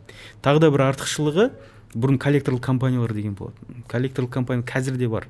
Бірақ бұрында олар кәдімгі мафия сияқты жұмыс жасайтын да жаңағы қарызға батып кеткен азаматтарға звондайтын дөрекілік көрсететін үйінен барып тіпті қуып шығуға дейін баратын иә?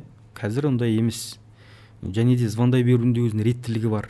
Мысалы аптасына бір аз ғана екі рет үш рет қана звондауға күнде звондай алмайды түнде жаңа қайта қайта өзінің уақыты бар заң бойынша бәрі бекітіліп қойды. Сіз егер заң жағынан жақсы білсеңіз ол коллекторлық компания болсын ол жаңағыдай қаржы ұйымы келіп қысым жасап жатсын олардың бәрін орнына қойып қоя аласыз да. Заң бойынша былай былай. Егер былай істесеңіз болмайды деген сияқты. Төлеймін төлеймін бірақ жаңағы мені қыспаңыз деген сияқты нақты айтсаңыз. Ал енді екінші мәселе бар ә, жаңағы егер сіз төлеуден қашып жүрген адам болсаңыз онда ол тағы сіздікі дұрыс емес та. Өйткені қарыз алмақ бар оны тағы бермек бар. Ол сіз өзіңіздің досыңызда ертең қарыз алсаңыз құдайдың алдында ертең жауап бересіз ғой. Оны адал болу керексіз. Сол сияқты сіз де бір мекемеден қарыз алып тұрсыз демек оны қайтару керексіз. А енді пайыздар мәселесі жаңа кішкене реттелді. Менің ойымша банктердегі пайыздар бізде әлде де жоғары. Елу алты пайыз жылына банктердің қойып отырғандығы ол жоғары. Егер ипотекалық несие алсаңыз ойлаңыз енді ә, банктердің құзыреттілігі бар да жаңағыдай берген несиесіне елу алты пайызға дейін жылына қойып қоюға. Сонда сіз егер елу пайызбен несие алған күннің өзінде бір миллион теңге алсаңыз ол бір жылда уже миллион жарым қайтару керек боласыз ал енді ол үш жылға созылса ол тағы үстіне миллион жарым қосылады да сіз алған миллионның үстіне. Сондықтан ол дұрыс емес менің ойымша. Осы реттілікті қарастыру керек та оны отыз алты пайызға дейін отыз пайызға түсіріп тастаған дұрыс менің ойымша. Өйткені ақырын ақырын жалпы жаңағы реттеліп келе жатыр ғой. Ал енді екінші мәселе бар тағы да азаматтарымыздың да жауапкершілігі маңызды. Бізде көп азаматтарымыз кезінде несиені алып алып алып бірақ кейін бермеуді ойлайды да. Бермей ақ қойсам екен осыны деген сияқты. Ол да дұрыс емес. Мемлекет жауап бере салса екен. Ондай да сөз көп көтерілді ғой. Ол мүмкін емес жағдай. Өйткені төрт жарым триллион теңге болды да ол. Мысалы өткен жылы ол төрт жарым триллион теңге деген үлкен қаражат. Оны үкімет алып жауап бере салса онда ол салық салықтан түскен қаражат болса оны басқа азаматтардың бәрі төлеп жүр мысалға. Оған несиені жауап берген дұрыс емес. Өйткені ертең ол халықта әдет қалыптасады да. Масылдыққа алып келеді деген ол рас. Мысалға тағы да жауап берсін тағы да жауап берсін деген сияқты. Ол үлкен кет, қателік болады. Сондықтан нарықтың заңдарына сәйкес қарыз алдыңыз ба оны қайтару керексіз. Бірақ пайыздың төмен болуы ол қарастырылатын дүние. Ол қарастыру керек оны талап қою керек. Банктерде пайыз жоғары пайызды қоя бермеу керек. Реттелген дұрыс. Оларды табыс табу қажет дұрыс. Бірақ та жаңағы базалық пайыздың мөлшерін тоғыз пайызбен өздері алса мейлі артына үстіне бір бес пайыз қоссын иә бірақ әрі қарай неге оны қосу керек? Оны елу алты пайызға дейін көтерудің қандай маңыздылығы бар?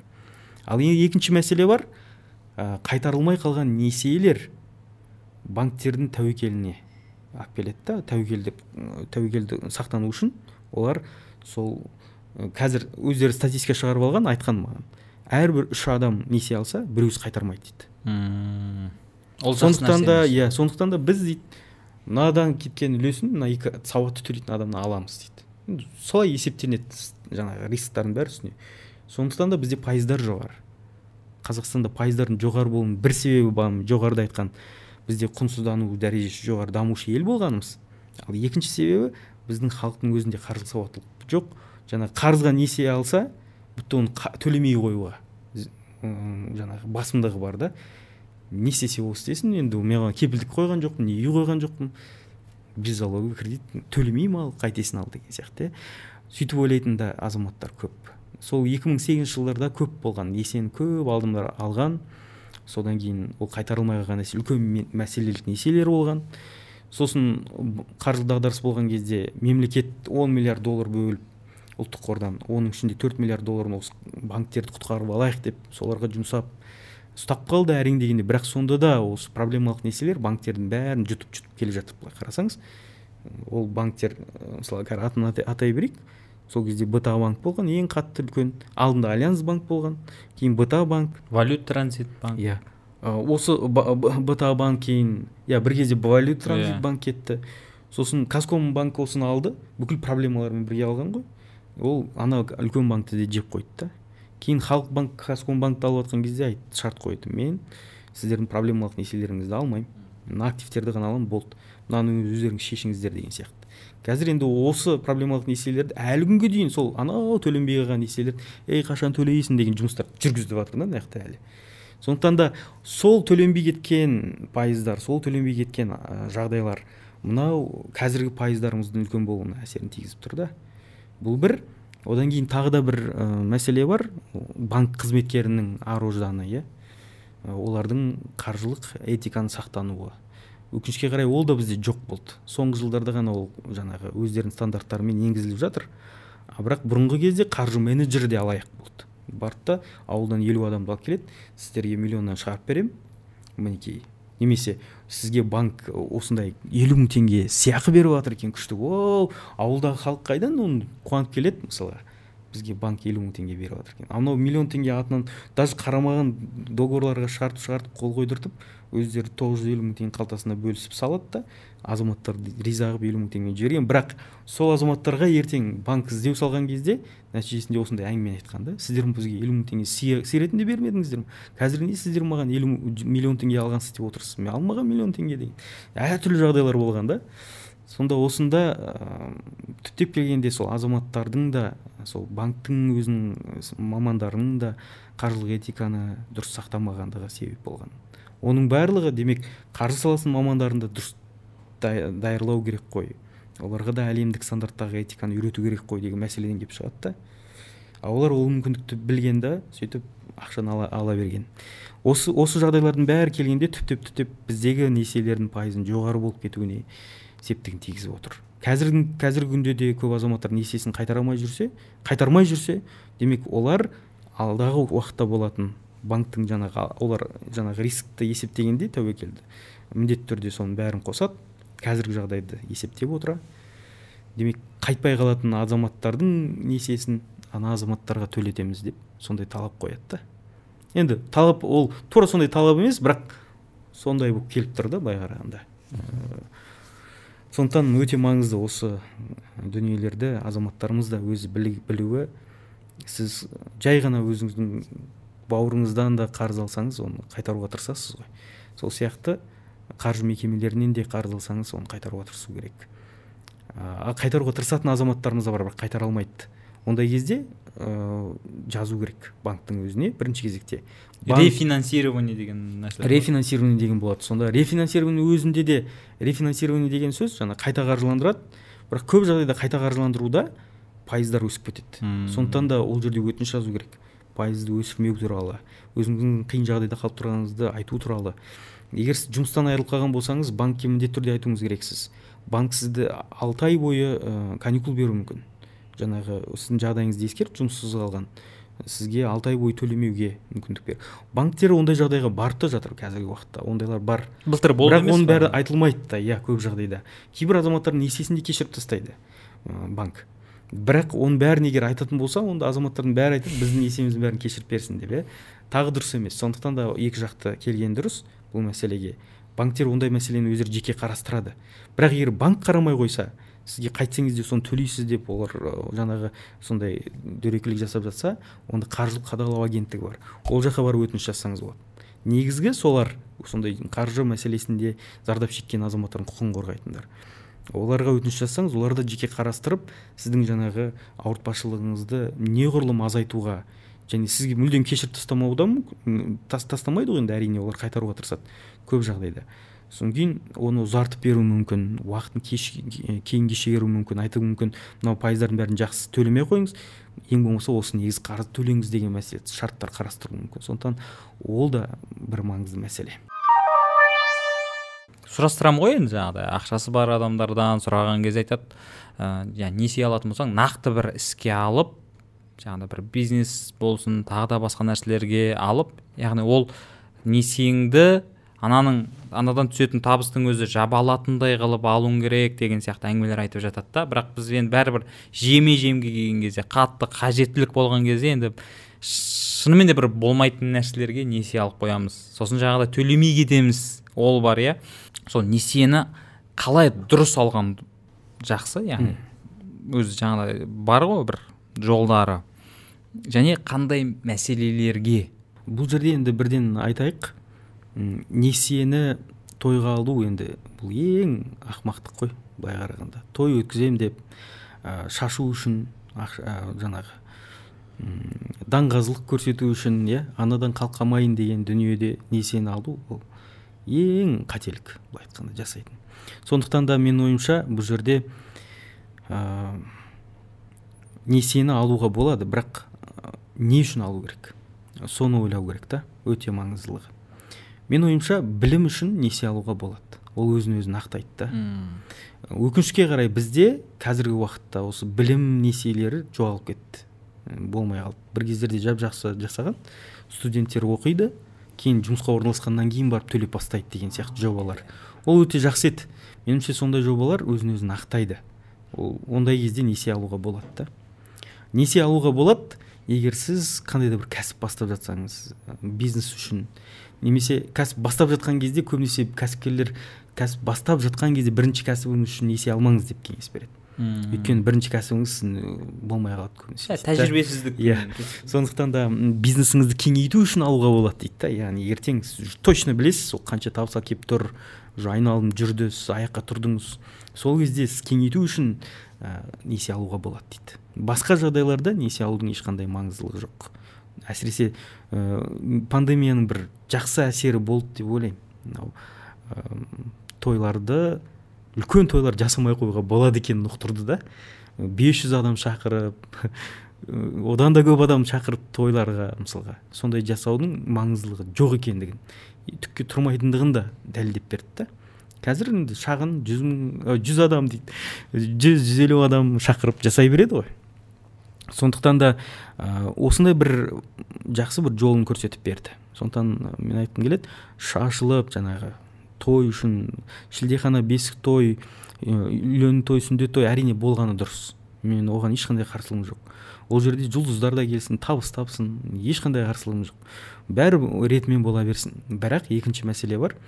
Жаңағы осының бәрін өткізу үшін оны бір кереметтеу үшін бір даңғазық көрсету үшін ә, ысырапқа бару ол дұрыс емес. Сондықтан да ә, несиені алудың ең құндылығы сол менің ойымша. Ал енді екінші мәселе болады. Кейде амал жоқ несие алуға тура келеді. Бір қиын жағдайға тап болып қалдың.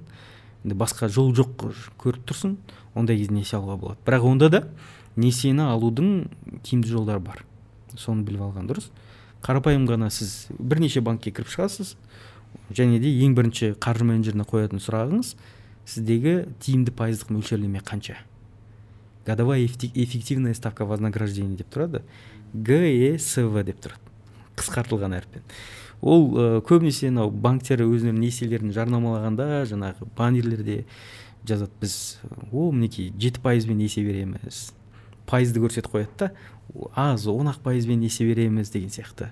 Ал жаңағы түбінде жазылып тұрады гсв деп. Жаңағы жылдық пайыз жылды тиімді пайыздық мөлшерлеме. И ол 27 пайыздан басталады деп тұрады да. Басталады. Анау маңызды емес. Сондықтан да жаңағы бүкіл келісім шарттың бәрі анау тиімді пайыздық мөлшерлемемен басталады. Сондықтан да онда да сіз жақсы қаржыгер болып кішкене қаржылық сауатыңыз болып ең болмаса талап қойып мінекей сіз жиырма жеті пайызбен деп көрсеткенсіз ғой маған осылай беріңіз деп талап етіп бүкіл бәрін есептеп көрсеткен кезде ғана ең тиімді шарты сол болады да.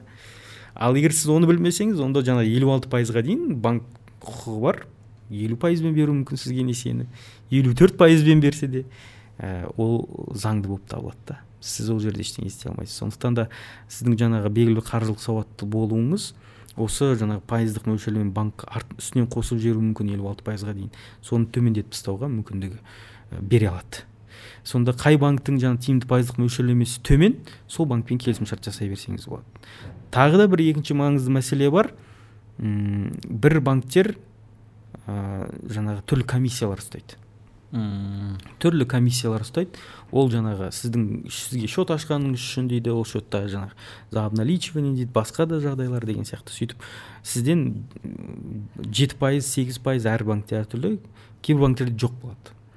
Сондай ұстап қалады яғни миллион теңгеге сізбен келісімшарт жасалынады сіз миллион теңге алдыңыз сіздің пайызыңыз осынша сіз үстінен осынша қайтарасыз деп.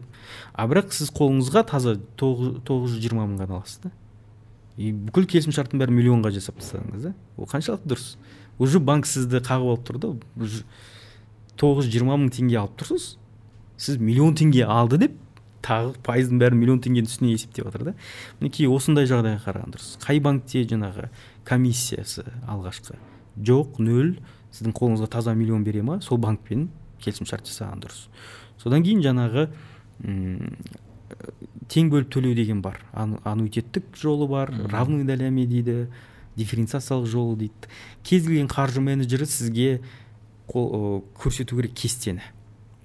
Сіз аннуитеттік жолы бар. сұрауымыз керек иә. иә бірінші кезекте. Сұрау керек. Сол көрсету керек бірақ көрсетпей қалады да сол. Мінекей мынау аннуитеттік жолдың кестесі мынау. Мынау тең бөліп төлеудің кестесі мынау. Қайсысын қараңыз өзіңізге ыңғайлы соны таңдаңыз деп айту керек. А бірақ ондай айтылмайды. Сіз келісім о сіз банк ә, қаржыңыз қарыз алуға жаңағы одобрение берді дегенде мәз боласыз да. Барлық бетіне қол қойып шығасыз. Болды. Ал ол жерде аннуитеттік жол көбінесе ұсынып жібереді да болды. Аннуитеттік жол деген сөз ол жерде мынандай. Ә, әдемі жасап қояды кестені ай сайын бір ғана сома төлейсіз мысалға миллион теңге алған болсаңыз ай сайын елу мың теңгеден мінекей үш жылға тамаша әп әдемі соны көбінесе тіпті сұраған күннің өзінде көп азаматтар бізде үлкен кісілер әсіресе. Анау равный доляменді әдейі жасап қояды да сіз басында алпыс бес мың теңгеден төлейсіз сосын ай сайын бес жүз теңгеге мың теңгеге азайып отырады да ана жақта. Ыңғайсыз біртүрлі сосын мен ана енді ойлап жүрейін осы кестені ойлап. Мына жақта мен бәрі түсінікті ай сайын елу мыңнан төлеп тұрамын осыны ала беремін деуі мүмкін. А осы жерде сіз жеңілдіңіз. Мына жақта пайыздар көп та. Және де пайыздар көп болғаннан бөлек бұл жерде бірінші кезекте сіз ә, пайыздарды төлейсіз. Сонда сіз бір жыл бойы пайыздарды ғана жауып жүресіз да бір жылдан кейін екінші жылдан бастап сіз негізгі қарызды жаңағы алған миллион теңгеңізді жабуға көшесіз. Ал бір жылдан кейін сізде ақша болып қалды. Барып сол миллион теңгеге жауып тастайын жаңағы алған қарызыңызды. Қанша қалыпты десе әлі миллион тұр да. Мен қалай сонда бір жыл бойы не төлеп жүрдім деп жүретіндер бар ғой. Сондықтан осы аннуитеттік жол. Сіз бірінші пайыздарын төлеуге келісім бергенсіз бәріне қол қойғансыз.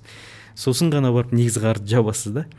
Ал ә, жаңағы ә, тең бөліп төлеу деген бар өзі айт, айтып тұр. Дифференциалдық жол тең бөліп төлеу. Ол жерде сіз елу мың теңгені төлеп отырған кезде жиырма бес мың негізгі қарызды жабуға кетіп отырады көп бөлігі. Ал пайыздарын қалғаны. Сонда сіз бір жылдан кейін барып төлеймін деген кезде ол жерде жеті жүз мың ба сондай қалып тұрады да. Сіз жаңағы ұтып тұрсыз бір, бір база мәселеде. Жалпы көз жұмып несие ала берудің қажеті жоқ дейсіз ғой негізі. Иә. Әрине ертең несие алудың алуға тиімді болған кезде ғана алуға болады көбінесе. Қатты ол, қажеттілік болған кезде. Иә. Ал несие тиімді болатын кез ол жаңағы ақша несие саясаты бәрі түзелсе базалық пайыздық мөлшерлеме ертең төрт пайыздың деңгейіне түссе ұлттық ә, екінші деңгейлі банктер жаңағы тұтынушылық несиелерді уже жаңағы бес пайызбен өздері несие алса ол бес пайызды үш еселесе де он бес пайызбен халыққа бере алады да. Қазіргі біз пайыздарды қарасақ жаңа жиырма жеті пайыздан басталады елу алты пайызға дейін деген мәселелерді біз көріп тұрмыз. Сондықтан ә, қаржылық дағдарыс кездерінде сондай кездерде несие алмаған дұрыс негізінде. Өйткені ол кездерде жаңағы ұлттық банк базалық пайыз мөлшерін көтеріп жүргенде несиелерінде пайыз өсіп кетеді. Егер мынау екі мың он төртінші он бесінші жылдарда бір ә, жүйелі дағдарыс болып алды ғой бізде. Сол кезде де егер қарасаңыз ұлттық банк а, ол жылдарда тағы дағдарыс болуының бір себебі теңгемізді еркін айналымға жібердік теңгеміз қатты құнсызданды. Көптеген тауарлардың бағасы резко ұшты. Көз алдымызда жаңағы ценниктер ауыстырып жаңағы мынау мынау арзан екен алайын деп отырсам жоқ бұл басқа баға деп жаңағы көз алдымызда өзгертті ғой көп нәрсені. Сондай сондай кезде техниканың бағалары ұшты мысалға. Сол кезде теңгеміз қатты құнсызданды. Сол кезде ұлттық банк базалық пайыздық мөлшермен он алты он жеті пайызға дейін көтеріп тастады. Әрине екінші деңгейлі банктер ондай пайызбен алғаннан кейін көп банктер айтты біз ипотекалық несие вообще бермейміз тоқтатамыз деді. В рассрочку деген программаны тоже тоқтатамыз уже тиімсіз дейді да. Ә, алып тастады өзінің несінен. Бір екі жылдай үзіліс болды да. Кейін мынау пайыздар реттеліп кішкене тоғыз пайызға оралғаннан кейін барып банктер қайтадан бөліп төлеуді жандандырды несиелерін жандандырды жаңағы ипотекалық несие. Бірақ онда да әлі жоғары пайыздар. Қалай құнды қыла аламыз теңгемізді? Сосын мен енді жаңағыдай мүмкін дилетанттық сұрақ шығар. Егер біз несие алуды азайтсақ ол нәрсе несиенің пайызының төмендеуіне әкеле ма? Мысалы үшін жаңағыдай осындай тек қана қажеттілігімізге несие алатын болсақ енді азаяды ғой. Ол жаңағыдай ә, аспандап тұрған несиенің пайыздарын төмендеуіне әсерін тигізе ма әсерін тигізеді кішкене. Неге? А кішкене иә? өте қатты емес. Бірақ біраз әсерін тигізеді. Өйткені банктер бір жағынан олардың міндеті көбірек несие беру ғой. Несиелендіру несие беру. А, салыстырма түрде қарайтын болсақ негізінде қазақстанда несиені ә, әлде де беруге болады халыққа. Бірақ та ол несие тиімді болу керек. Жаңағы төмен пайызбен болу керек. Ең маңыздысы сол. Ал енді азаматтарымыз ә, қысқартатын болса несиені а оң солды ала бермейтін болса әрине онда азаматтарымыз да ол несиені төлеу мүмкіндігі артады. Ол несиенің қайтадан банктерге қайту мүмкіндігі артады. Ал ол жағдайлар банктердің тәуекелін қысқартады. Hmm. тиісінше пайыз төмендейді мінекей осы жағынан ә, пайыздар төмендеуі мүмкін. Яғни азаматтарымыз оң солды несие ала бермейді несиені ойланып алады жағдайына қарап алады. Тиісінше ол несиелер проблемалық несиеге ертең айналмайды. Банктер өздерінің жаңағы активтерін таза ұстайды және де ол алдағы уақытта несиенің пайызын төмендеуіне септігін тигізеді. Ол бір. Одан кейін екінші сіздің сұрағыңыз қалай бізде ақшаның құндылығын арттыруға болады? Өте өте, өте орынды сұрақ өте маңызды сұрақ. Бізде мынандай бағалардың ақша құнды болады қашан бағалар қатты өспегенде. Бізде бағалар қатты өсіп жатыр да. Дәрі дәрмек қатты қымбаттап кетті осы соңғы жылда пандемияға байланысты иә. Техника қатты қымбаттап кетті. Азық түліктің бағасы қатты қымбаттап кетті. Жаңа жеті жарым пайыз инфляция десек азық түлік инфляциясын бөлек есептеген сонда он бір жарым он бір пайыз болған он бір пайыз. Сонда қараңыз азық түлік қатты қымбаттап кеткен ондай кезде теңге құнды болмайды.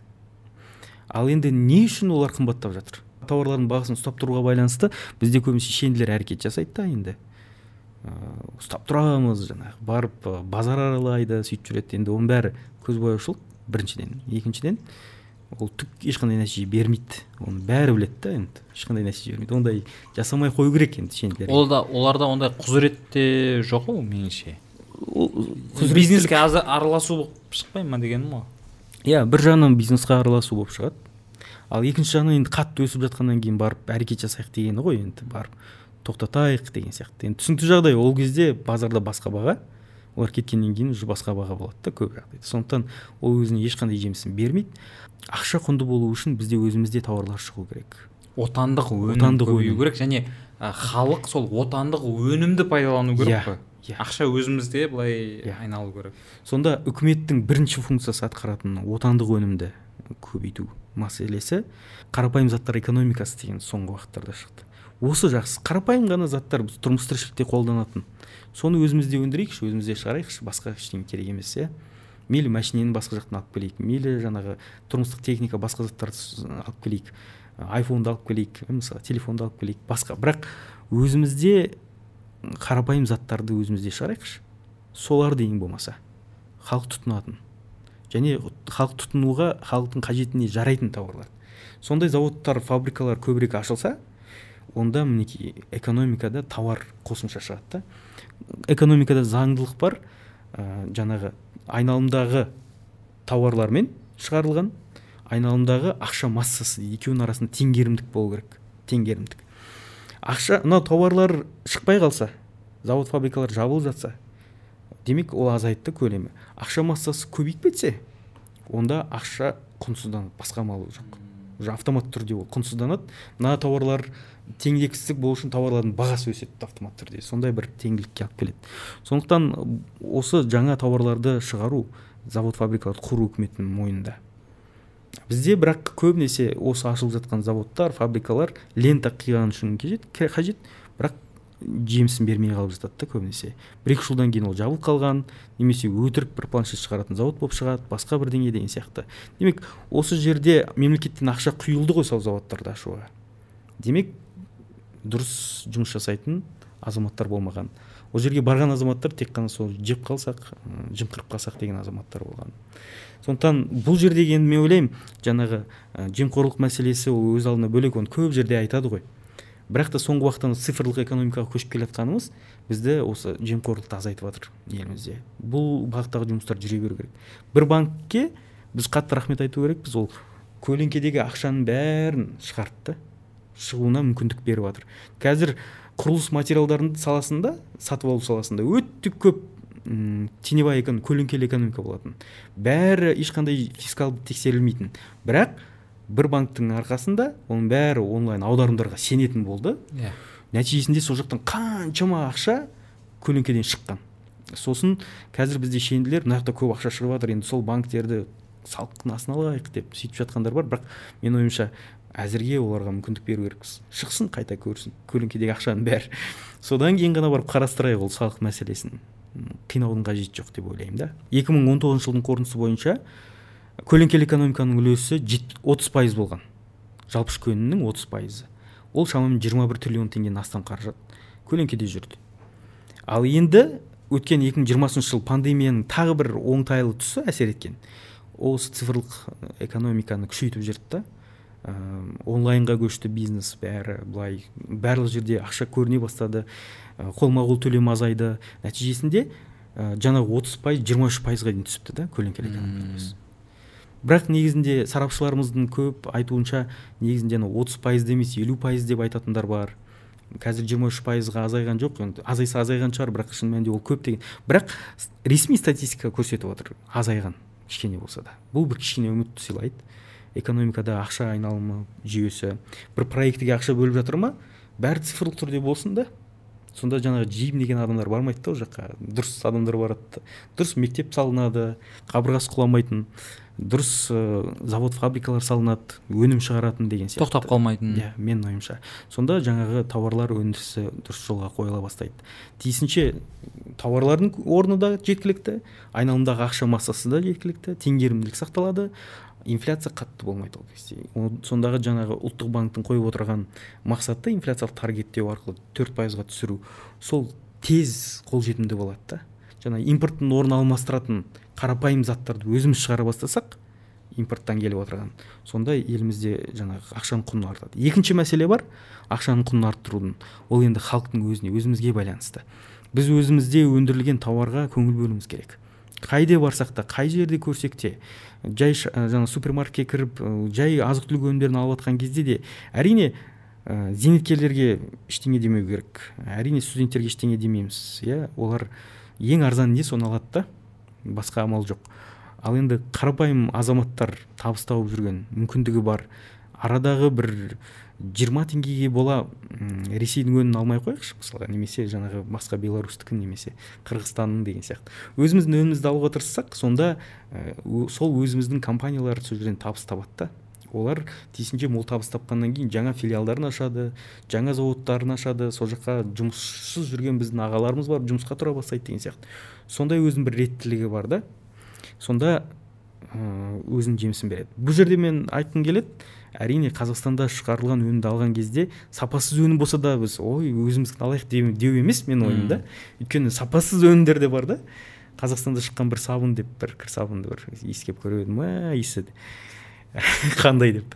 Ондай затты алмай ақ қойыңыз. Бірақ өзімізде шығарылған жақсы сүт өнімдері болса жақсы жаңағы ә, макарон өнімдері басқалар болса неге өзіміздің заттарымызды алмасқа? Бұл өте қажет дүние. Немістерде неге бізде экономикасы күшті олардың мерседесіне ешқандай не жетпейді. Көлік жетпейді. көлік жетпейді. Өте керемет деп айтамыз. Бірақ ол үндескен келісім да демек оны халқы да соны қолдайды. Өзінің өнімін. Әрине мерседес болғаннан кейін алады. Бірақ екінші мәселе олар тек қана немістің затын ал деп үйретеді екен да. Баланы өсірген кезде басқа елдің затын алсаң сен ауырып қаласың екен сондай. Бойына сіңдіреді да сен өзіміздің елдің затын ал деген. Ол мерседеске қатысты ғана емес та. Содан кейін ғана барып мерседес сияқты өнім шығарылатын заводтар құрылады да. Сондықтан да мен де осы жерде айтқым келеді. Бізде еліміз өзіміздің затымызды берік болып өзімізде жасалынып жатқан өнімді алуға тырыссақ ертең сондай мерседес сияқты зауытты біз де пайда қылдыра аламыз да менің ойымша. Сондықтан үкіметке де жаңағы міндетті атқару оның мойнында. Халық болып біз де өзіміз тарапынан үлес қосу керекпіз деп ойлаймын. Сондықтан ә, отандық өнімді қолдайық отандық өнімді пайдаланайық отандық контентті көрейік. Ә, каналға жазылып қойыңдар. Иә мақсат мырза көп көп рахмет. Тек қана көрермендер үшін емес өзіме де өте пайдалы ә, қажет ә, ақпараттар алдым. Ә, былай бір ә, курс оқып шыққандай болдым ғой ақшаға байланысты. Ә, осындай ә, ақпараттарыңызбен ә, былайша айтқанда ақылыңызбен біліміңізбен бөліскеніңізге ә, сізге көп көп рахмет. Ә, бүгін админ анон подкастының қонағы болған UIB бизнес мектебінің директоры ә, мақсат халық мырза. Ә, көп көп рахмет сізге. Көп көп рахмет нұреке шақырғаныңызға. Қалай болды жалпы өзіңізге? Жақсы.